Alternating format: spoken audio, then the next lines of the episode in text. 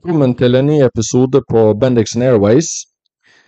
I og med at jeg er fotballtrener i Ullern, så var det naturlig for meg å tidlig snakke med sportslig leder i Ullern fotball, Magne Årvik. Eh, Vi har vært i klubben sammen i over 15 år, og i denne episoden skal vi snakke litt om hvor Ullern var den gang, hvor Ullern er i dag, og hvor Ullern skal i fremtiden. Eh, Hva, hva var det som møtte deg? eh, Hvordan var Ullern når du og vi først begynte? Nei, jeg husker at eh, eh, faktisk på vei til å se Ullern A-lag spille mot Vestli sommeren 2008, eh, før jeg var klar for klubben, men det da jeg var blitt kontaktet om å bli assistenttrener for det A-laget etter eh, en jeg hadde studert med som flytta nordover, og hadde anbefalt meg til den oppgaven, så husker jeg tenkte da jeg gikk inn porten der at eh, nå må du passe på, Magne, at du ikke prøver å engasjere deg i hele klubben. Eh, for det hadde jeg gjort i begge mine foregående to klubber. Eh, den første, hvor jeg vokste opp, var det kun jentesiden riktignok jeg engasjerte meg i. Mens eh, på den korte tiden jeg var i Kjelsås, så rakk jeg å få et visst engasjement for eh, hele klubben. Og eh, hadde erfart begge steder at det, koster mye energi. Og du får ikke akkurat nødvendigvis igjen for de timene i form av annet enn ja, en viss glede, men også mye frustrasjon kanskje, når man ikke er i posisjon til å ta beslutninger, men likevel ønsker å skape eh, utvikling og endring. Da. Så jeg sa til meg selv da jeg gikk inn porten på Ullern at um, nå blir det kjekt å bare være fotballtrener på rett lag og eh, konsentrere deg om det.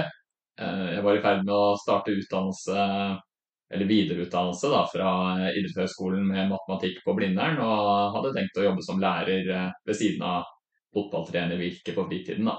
Så ting ble litt annerledes enn det jeg sa til meg selv den dagen. Ikke sant. Eh, Hva var, hva var da første rollen din? Hva gjorde du? Ja. um, jeg eh, kom dit som assistenttrener på A-laget, som nevnt. Um, og på dette tidspunktet så hadde noen foreldre knyttet til gutter 96 på Ullern. De hadde kontaktet uh, A-lagstreneren om eh, ikke A-laget med eh, om ikke A-laget med spillere og trenere kunne stå for trening av barna en ekstra treningsøkt i uka etter skoletid. Det tilbudet det kalte de Ullern-akademiet, og var da fortrinnsvis eh, A-lagsspillere sammen med A-lagstrener som hadde da en økt med de barna. Var det også et eh, barnetreningstilbud som allerede var etablert på initiativ fra foreldregruppe på gutter 96. Jeg er rimelig sikker på at det var foranledningen før jeg kom inn der. De hadde spurt eh, A-laget ved A-lagstrener eh, og der, deretter spillere om å drive et ekstratilbud for de barna, så de fikk litt mer trening enn hva foreldrene selv organiserte med lagets trening på kveldstid. Det tilbudet ble kalt Ullern-akademiet og foregikk eh, etter skoletid én og etter hvert to ganger i uka. Det, altså, jeg var kanskje mer engasjert i de alderstrinnene enn hovedtrener på for A-laget var da, og kom inn med veldig mange tanker egentlig om spillerutvikling og hvordan vi burde drive det i landet. Og ble veldig raskt engasjert i det og fikk mye av ansvaret for det tilbudet da, i en ansvarsfordeling mellom meg og hovedtrener. Det var et populært tilbud hos de som eh, ble tilbudt det, og det dukket opp spillere fra utenfor Ullern også som eh, savnet mer trening, og det var et attraktivt tidsrom hvor du kunne trene og så komme hjem til middag og kanskje gå på trening i en annen idrett etterpå. Det gjorde det lettere å kombinere. Samtidig var det mange barn på Ullern på den tiden som deltok på Norsk Fotballakademi i Bærum, som eh, var, vil jeg tro, det første private akademiet som tilbød trening til barn. Og de fikk mye oppmerksomhet i media rundt dette, som ble ansett som ganske kontrasielt, egentlig. Det vi eh, raskt egentlig gjorde, var jo da å tilby, etablere, eller vi etablerte og tilbød da noe som eh, kanskje stoppet det behovet for å søke seg til private aktører. Så jeg eh, sluttet ganske raskt på mitt eh, matematikkstudium ved Blindern, og så en mulighet til at dette bør jo kunne vokse, og kanskje kunne bli en jobb, rett og slett. Så jeg, i samarbeid med noen aktive foreldre i klubben, så la vi frem planer for styret om å kunne etablere et slikt, slik, tilbud tilbud i SFO-tid. Ikke bare knyttet til de årgangene som etablerte det, men eh, for alle barnekullene å bruke alle ukedagene til eh, de ulike alderstrinnene. Da. Det ble kalt, eller det ble allerede kalt Ullern Akademi, og det navnet beholdt vi. Så sluttet han som var sportslig leder i Ullern ganske kort tid etter dette, den, den høsten, som var min første høst der. Og det var egentlig ingen, tror jeg, som jobbet systematisk med å gjøre en ny ansettelse. Så det skjedde egentlig litt sånn gradvis at uh, i samme moment som jeg hadde fått etablere det barnetreningstilbudet, så ble det til at jeg utførte flere og flere av de oppgavene. Jeg minnes, vel uh, en i styret som sendte en, skrev i en melding at ja, nå er vel egentlig du sportslig leder. Ja, svarte jeg, det, det er vel greit. Så jeg ble på en måte aldri ansatt til en stilling som sportslig leder. Det ble på en måte noe som skjedde gradvis nesten gjennom den høsten. Og, og, um, og jeg var i den funksjonen da fra, fra 1.1.2009 egentlig, så det skjedde jo ganske fort i løpet av noen måneder. Det er sånn. Så det er riktig å si at eh, det ble tatt tak i barnefotballen, barne-ungdomsfotballen ganske tidlig der. Men eh, hvordan var egentlig status på, på ungdomsfotballen sammenlignet med, med naboklubber som er relevante å sammenligne seg med? Det var uh, overraskende egentlig for meg å se den fotballkulturen som var i klubben. Den var ganske annerledes enn der jeg kom fra, hvor eh, det heller ikke var noe særlig profesjonelle trenere, for å bruke det ordet. Det var jo stort sett basert på frivillighet. Og så hadde du jo noen ansatte trenere med en eh, viss deltidslønn i ungdomsfotball. Så alt det var ganske litt eh, fra den fotballen jeg kjente før. Den store forskjellen var at det ble spilt veldig lite fotball på Ullern, egentlig. Det var, det var ingen fotballaktivitet fredag, lørdag og søndag. Det var ingen fotballaktivitet i skoleferier, bortsett fra de klassiske fotballskolene som alltid har vært i landet på sommeren. Og det var, opplevde jeg, en ganske etablert sannhet blant eh, befolkningen, for å kalle det det, at du helst ikke skulle spille så mye fotball, for da gikk du lei. Og du også kunne bli skadet lett, og det var eh, mye mer hensiktsmessig å spille litt, og ikke minst drive med flere idretter, både for å unngå da å bli lei og bli skadet. Også den oppfattelsen mange har i Norge, at det, uavhengig av hvilke idretter det er snakk om, lønner seg å drive med mange idretter for å bli flink i én. Så, så, det ble spilt veldig likball, både organisert egentlig og uorganisert i barne- og ungdomsfotballen. Det var jo litt av bakgrunnen tror jeg, for at det var noen som på en måte ønsket så annerledes på dette her, og valgte å benytte tilbud andre steder, som vi var inne på i stad. Så da vi kom inn, så måtte vi jo akseptere den kulturen som var og var etablert, og de synene man hadde i ungdomskullene. Og vi hadde jo kanskje litt andre meninger om hva som skulle til for at eh, flere barn og ungdom hadde lyst til å bruke mer tid på fotball, og definitivt ikke så på det som noe negativt. Og vi satte jo det til litt misnøye, mishagsytringer fra eksisterende ungdomskull, så satte vi jo det meste av den innsatsen inn mot de yngre barnekullene. Det var nå eh, en, eh, som ikke nevnt i stad, når jeg skisserte den kulturen som var, så opplevde jeg jo at i, i Ullern håndball var det kanskje en litt eh, annen kultur med der man la mer eh, innsats i treningen i ungdomsårene enn det Ullern fotball gjorde. Og det var eh, ganske veletablert for jentene på Ullern at uh, fotball var på en måte en, kall det en rekreasjonssosial aktivitet ved siden av håndballsatsingen, når det kunne passe. Det var en veldig stor forskjell fra der jeg kom fra, som sagt hvor jeg jobbet med jentefotball. Og, uh, jentene og guttene spilte ganske Det var, mye jevnere hvor mye fotball som ble spilt, og hvor mange som deltok. Det har jo mildt sagt, tror jeg, skjedd en liten revolusjon uh, siden vi kom inn porten der for for 15 år siden. Hva er de, hva er de viktigste grepene sånn sett i ettertid du eh, mener vi tok, eh, skråstrek du tok, for å sørge for at Ullern er der de er i dag, som er en meget veldreven klubb i norsk målestokk. Vi er helt fremst i, i Oslo på, på, de fleste ungdomskull. Vi har et veldig veldrevet akademi. Vi har et seniorlag som nå er etablert i, i andredivisjon, og således i toppfotballen. Så ting ser veldig annerledes ut ut? Hva er de viktigste grepene som ble tatt? Hovedgrepet og den store game changeren var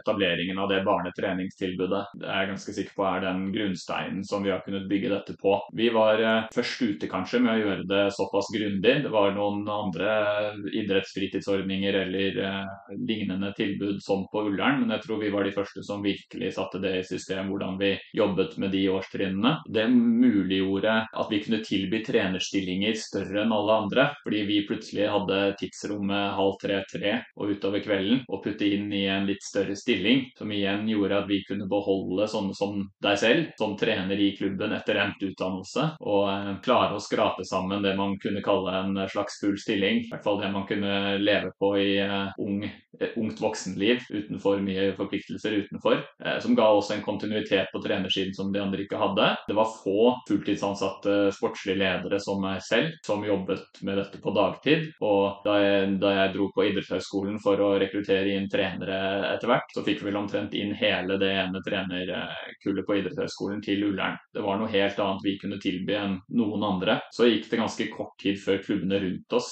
Det svarte jeg for så vidt ikke i stad. Tilstanden til Ullern sammenlignet med andre. Jeg opplever jo at vi var jo milevis, milevis unna de fremste Oslo-klubbene som eh, ja, tiltrakk seg spillere fra store områder og konkurrerte på et helt annet sportslig nivå enn oss. Men eh, naboklubbene rundt oss så ikke så ulikt ut som oss. Det var ikke så store forskjeller. Og de eh, klubbene fikk vi et forsprang på ganske tidlig der. Før de, som det er mye om i media i dag, med hvordan Oslo, fotballen på Oslo vest og i Bærum har endret seg, så gikk det ikke mer enn et par år før den type organisering som vi hadde etablert, var eh, måten de andre organiserte seg på også. Men vi fikk et lite, kall det forsprang der. Vi fikk inn trenere som ble veldig engasjerte i prosjektet. som som eh, vi, vi, føler jo at dette er et prosjekt vi er en gjeng som har gjort sammen og har et veldig sterkt eierskap til, som nok har lagt grunnlag for den kontinuiteten vi har hatt og muligheten til å bli, ja, prøve i hvert fall, å bli litt flinkere hvert år og ikke måtte starte på nytt som mange andre klubber opplever med mye utskifting. Ja, den etableringen av eh, det barnetreningstilbudet var vel det jeg føler eh, satte alt i gang, egentlig. Og for din egen del,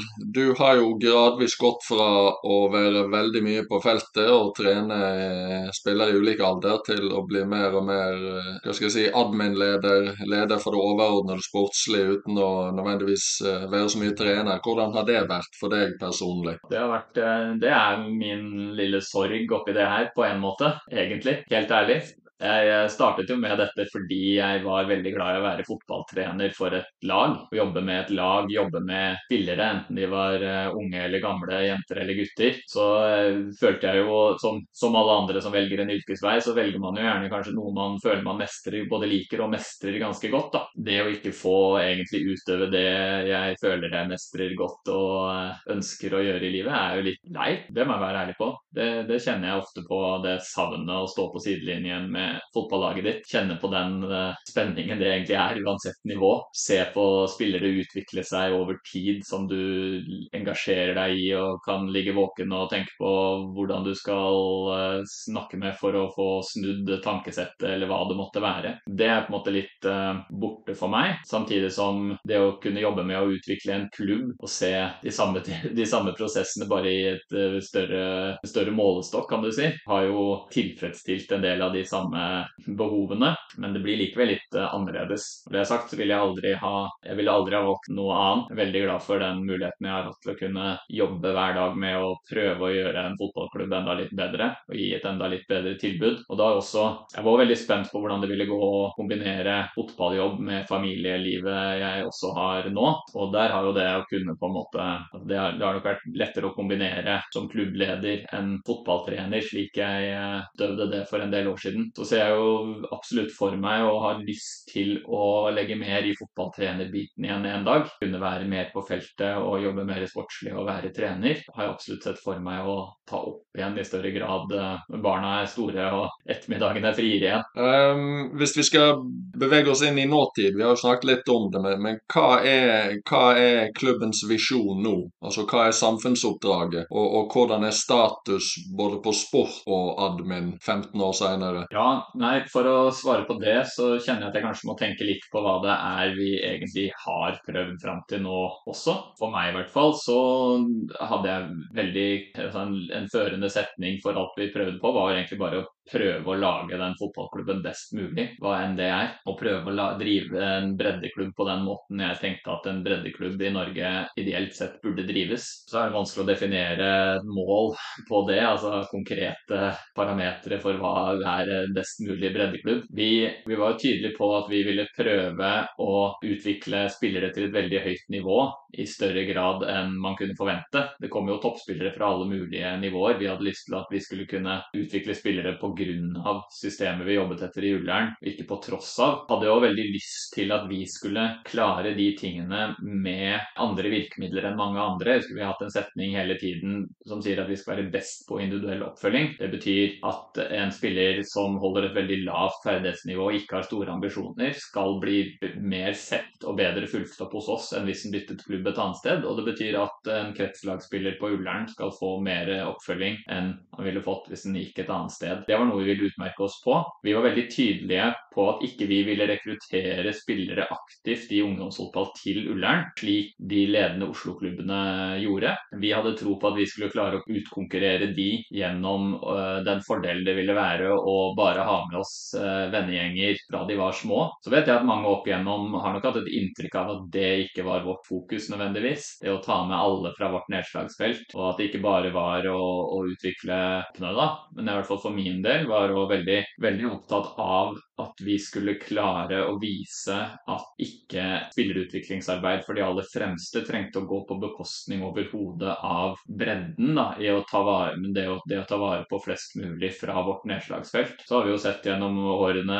at uh, veldig mange ting vi ville kanskje gjort annerledes. Jeg fall kan, kan snakke for meg sjøl at det er, det er, mange ting jeg ville gjort annerledes på det punktet. da. Mange ting vi skulle ha både gjort annerledes og kommunisert annerledes for å klare å ta enda bedre vare på mange. Det tror jeg også er en av grunnene til at vi ikke har lykkes så godt som vi kanskje hadde ambisjoner om på det å utvikle bildet til et veldig høyt nivå. Jeg tror jo fortsatt på at de to tingene henger veldig sammen. Det å ta vare på mange, lage gode, gode gjenger, miljøer, også er noe av det viktigste for å løfte fram noen til å bli veldig, veldig gode. Så vi har ikke neglisjert eller ment at det ikke stemmer, men vi, det, det, er vel noen av de tingene jeg føler at vi kanskje ikke har fått til bra nok. Det kom også til et punkt hvor vi, vi følte vel at uh, vi kanskje tok litt feil i at vi kunne klare våre sportslige mål for de fremste uten å tiltrekke oss spillere fra et større område. Så vi endret på et tidspunkt det som gjelder å, å tiltrekke seg eller å rekruttere spillere, da, rett og slett. Det er noe jeg vet at vi begge kjenner litt på med tanke på samfunnsoppdraget du nevner, da, som man absolutt kan diskutere om er hensiktsmessig i så henseende. Og når vi snakker om hva vi skal gjøre videre, så føler jeg at tross ting vi har har kunnet gjøre annerledes, så har vi utviklet guttesiden vår til et system, til et nivå som er såpass høyt at jeg føler på en måte for egen del at man kan på en måte huke av måloppnåelse på veldig godt drevet breddeklubb. Vi har vist at våre måter å gjøre det på gir gode resultater for både topp og bredde, selv om vi på begge punkter har veldig lang liste over ting vi gjerne skulle gjort enda bedre. Så eh, hvis vi sammenligner oss med alle andre, så tror jeg vi scorer veldig høyt på begge kategorier kategorier. Det er ikke lett å få til alt i et spekter av interesse, ferdigheter og ambisjoner blant foreldre og barn og ungdom. Og jeg syns at vi har lykkes ganske bra med det. Det har tatt fryktelig lang tid å utvikle noe på jentesiden. Det syns jeg vi er i ferd med å lykkes med langt bedre nå også, og føler at måten vi driver jentesiden på akkurat i dag, er uh, også ganske bra. Det er ikke, når man diskuterer enten det er i styret eller med trenere, så klarer vi ikke å peke på veldig store punkter som vi ikke gjør eh, ganske bra. da. Det er småting å forbedre, men jeg vil putte det i kategorien småting. Jeg tror driften der òg er ganske bra nå, og tilbudet vi gir jentene er bra. Der vi ikke får til et bra tilbud, så er det, handler det mer om gamle feil eller forutsetninger. Så det målet jeg hadde for meg veldig tidlig om å lage en god breddeklubb, og vise at man, eh, hvor, hvor bra en klubb som Ullern kan bli på både å drive spillerutvikling og skape miljøer osv., med mulighet for fortsatt å forbedre, så syns jeg vi har nådd Jeg føler i hvert fall at vi har nådd de målene litt. Og når man ser på klossene videre, så kjenner jeg på en lyst til på en måte å bevege oss enda noen hakk da, og flytte de målsetningene enda noe. Du var inne på at vi har et herrelag i, i andredivisjon. Det å se på om det går an for en klubb som Ullern å ta enda et steg der, det er noe som trigger meg litt. Og med de systemene vi har, så er jeg absolutt ikke redd for at et slikt forsøk skal gå på bekostning av uh, verken utviklingsarbeid eller uh, arbeid for å ta vare på alle. For de lytterne som er interessert i uh, seniorfotball, det er jo sikkert en del. Hva er status på klubbens flaggskip nå? Vi har vært gjennom en uh, trenerutskiftning før kommende sesong. Ja, vi har uh, satt en uh, trenerduo som kommer fra yngre lag i Stabæk og Lokomotiv Oslo i tredjedivisjon, hvor de gjorde en meget solid jobb. Det er to trenere på 23 og 26 år som vi opplever står for veldig mye av det klubben står for når det gjelder å utvikle fotballspillere, og også med tanke på spillestil som en del av det som utvikler fotballspillere. Vi har hele veien hatt et mål om å utvikle spillere til det øverste nivået. Der er jo A-laget det siste trappetrinnet, så det blir veldig spennende å følge utviklingen til både lag og spillere, men det er veldig tidlig å si hvordan det vil gå. Man må jo si at man er spent på hvordan det vil være. Vi har også B-lag i tredjedivisjon, så vi har to lag som skal ut og fly i Norge med de eh, utfordringer det gir eh, av kostnader og ressurser. Vi, eh, vi stanger nok per nå litt i taket nivåmessig av hva, hva, vår klubb, slik den ser ut nå, er kapabel til. Og For å snakke om noe helt annet. Du har jo nå egne barn i, i klubben. Hvordan, eh, hvordan, er det å gi andre trenere ansvar for fotballutdanningen eh, til de?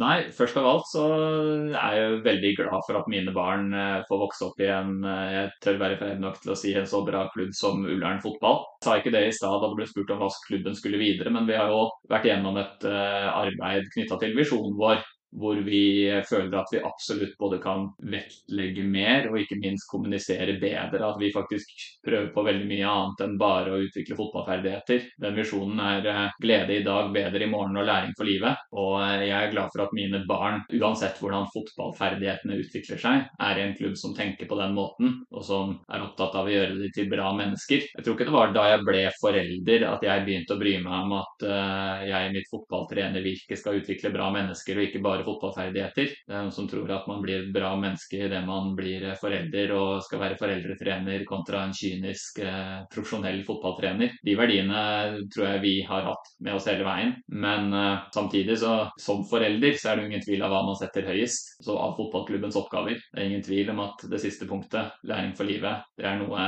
det er noe vi setter foran alt annet, egentlig, i foreldrerollen. Og når jeg kombinerer eh, det med å være sportslig leder i den samme klubben, så føler jeg jo bare at gir en ekstra motivasjon til å gjøre den jobben best mulig og stå på i den. At jeg eh, har barn som forhåpentligvis kan høste frukter av det. da. Vi, eh, vi nærmer oss uh, slutten her, men hvis du skal si litt kort om hvordan du ser for deg fremtiden til klubben. Hvor er hvor skal klubben? Hvor er vi om uh, ti år? Hvor er du om ti år? Ti år så, så, har vi et uh, herrelag som uh, spiller i uh, Obos-ligaen. Som har tatt et steg opp der, som gjør, gir oss alle de fordelene som ligger der per nå i både økonomisk og spillerutviklingsarenaer man får gjennom de skillene som er skapt litt der. Vi har etablert et damelag som spiller i norsk andre eller tredje divisjon, og som er blitt en god utviklingsarena arena for jenter som kan ta steget enda høyere. Vi eh,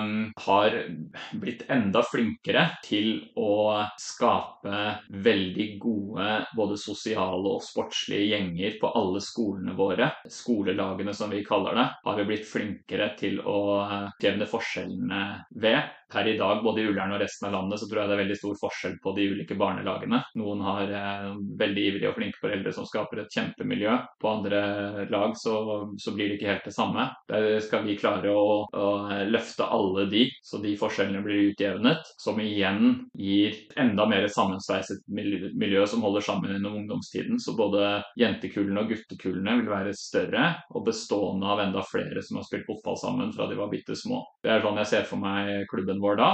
Og eh, ut av alt det der sånn, så triller det forhåpentligvis også noen enda flere toppspillere på aller øverste nivå som vi per i dag har drevet med å utvikle. Og du sjøl? Jeg selv er fortsatt sportslig leder i Ullern. Jeg har da barn som eh, jeg nyter å se spille på vårt damelag og A-lag herrer. Jeg har begynt å utvikle meg igjen som fotballtrener og ta igjen for mye tapt utvikling mens jeg har ja, gjort alt annet i klubben. Og trener et av ungdomslagene selv og koser meg med det. Det høres veldig bra ut.